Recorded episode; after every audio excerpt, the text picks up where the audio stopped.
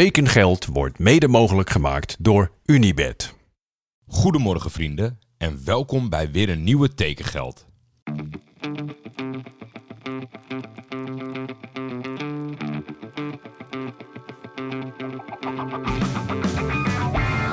Waar gaat Hilterman naartoe? kan u mededelen dat er overeenstemming is bereikt met Johan Cruijff bij Feyenoord. Navarone voor. Vandaag in andere kleuren, hè? Ja, dat zeker. Dat is wel even wennen natuurlijk. Berghuis een van de meest besproken transfers ooit, denk ik.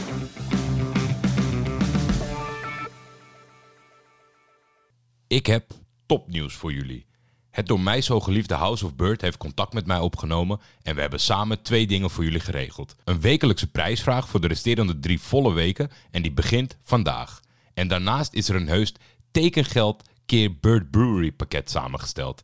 Die link staat in de beschrijving van deze aflevering. Het pakket bestaat uit natuurlijk 11 bieren van Bird Brewery en nog een mooi glas erbij.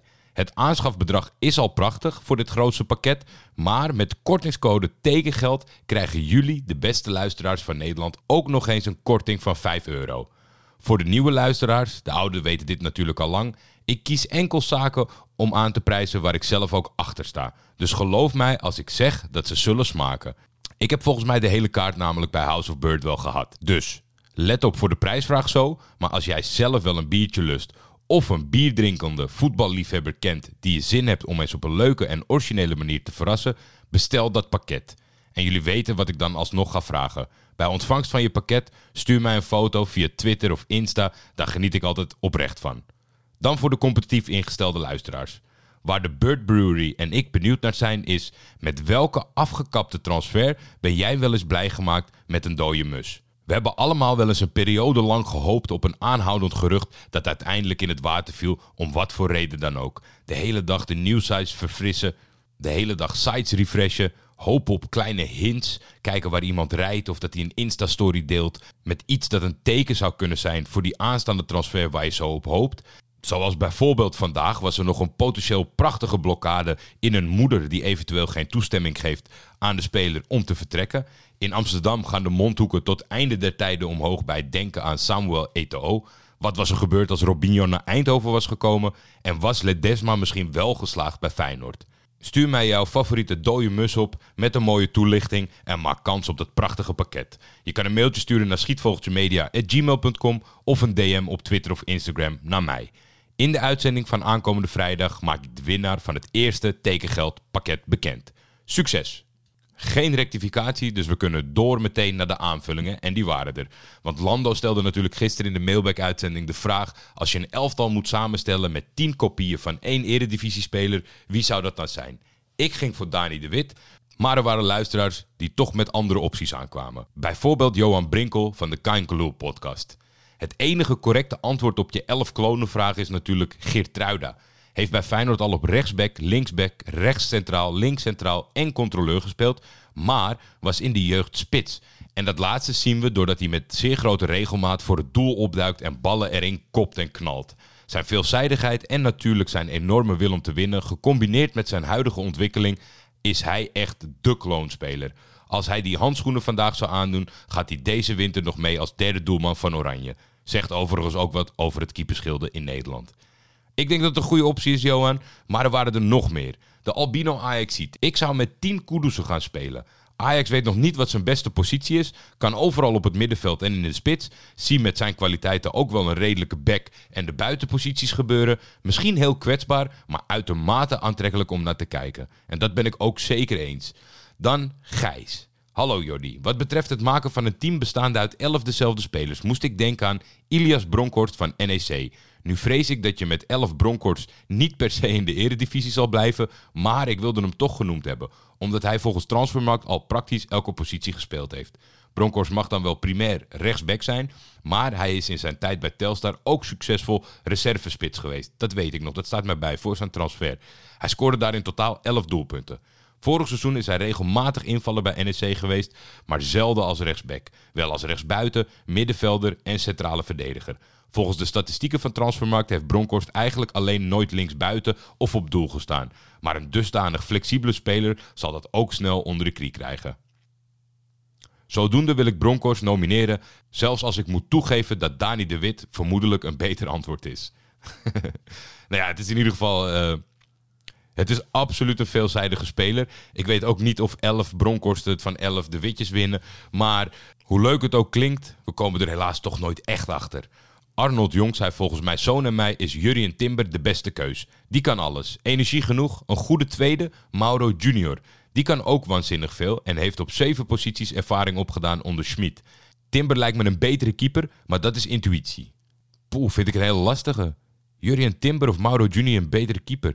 Ze zijn allebei, geloof ik, een formaatje Kostas Lamproe. Dus ik zou het eerlijk gezegd ook niet durven inschatten wie dat nou beter, eh, wie er beter tot zijn recht zal komen tussen de palen.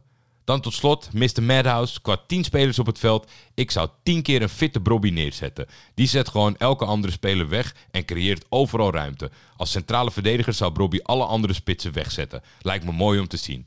Nou, daar sluit ik me zeker bij aan. Maar laten we in ieder geval hopen dat Brobby eh, binnen afzienbare tijd gewoon telkens 90 minuten kan spelen. Dan de transfers van vandaag. Er is amper iets gebeurd, maar de dingen die zijn gebeurd zijn natuurlijk wel belangrijk voor Feyenoord.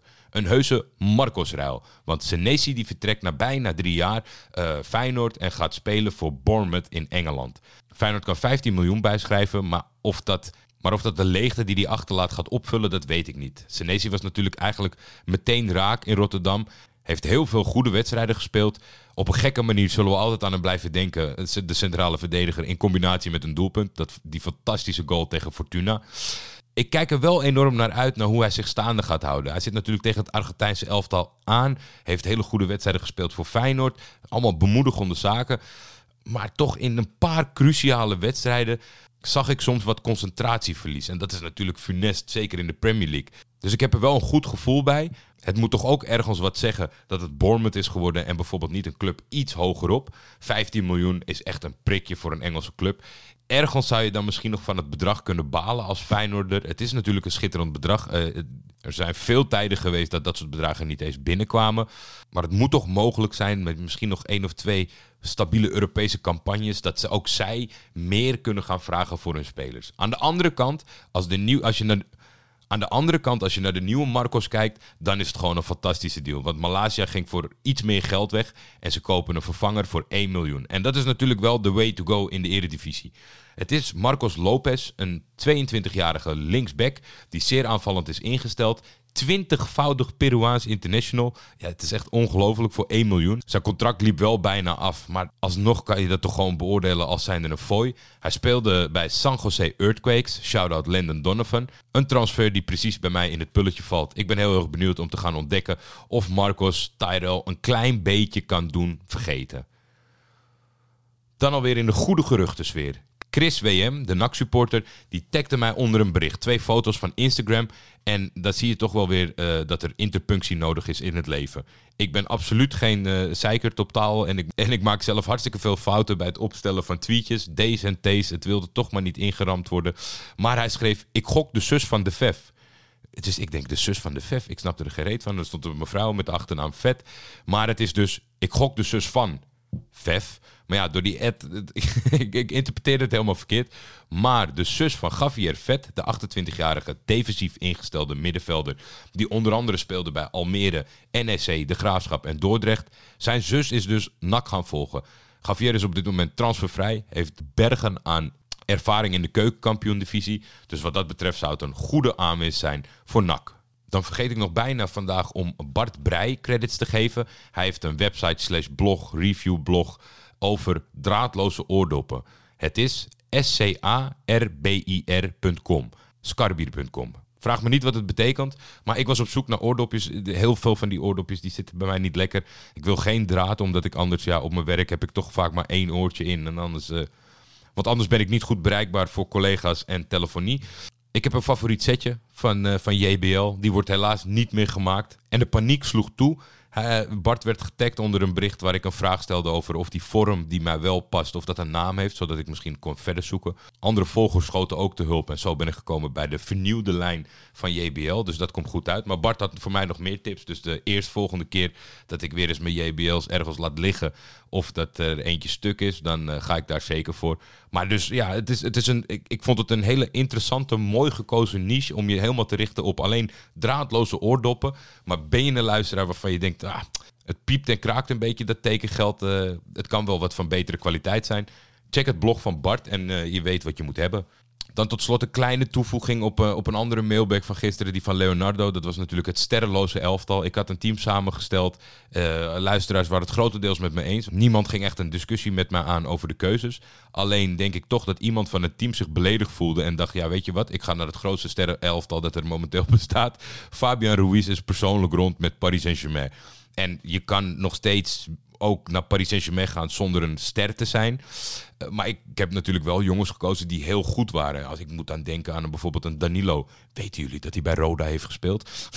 Eh, dat is ook niet echt een ster tussen al die andere grote namen. Maar Fabian Ruiz is wel zo'n dusdanig mooie en goede voetballer... dat ik bang ben dat als hij dat vette shirt van Paris aantrekt...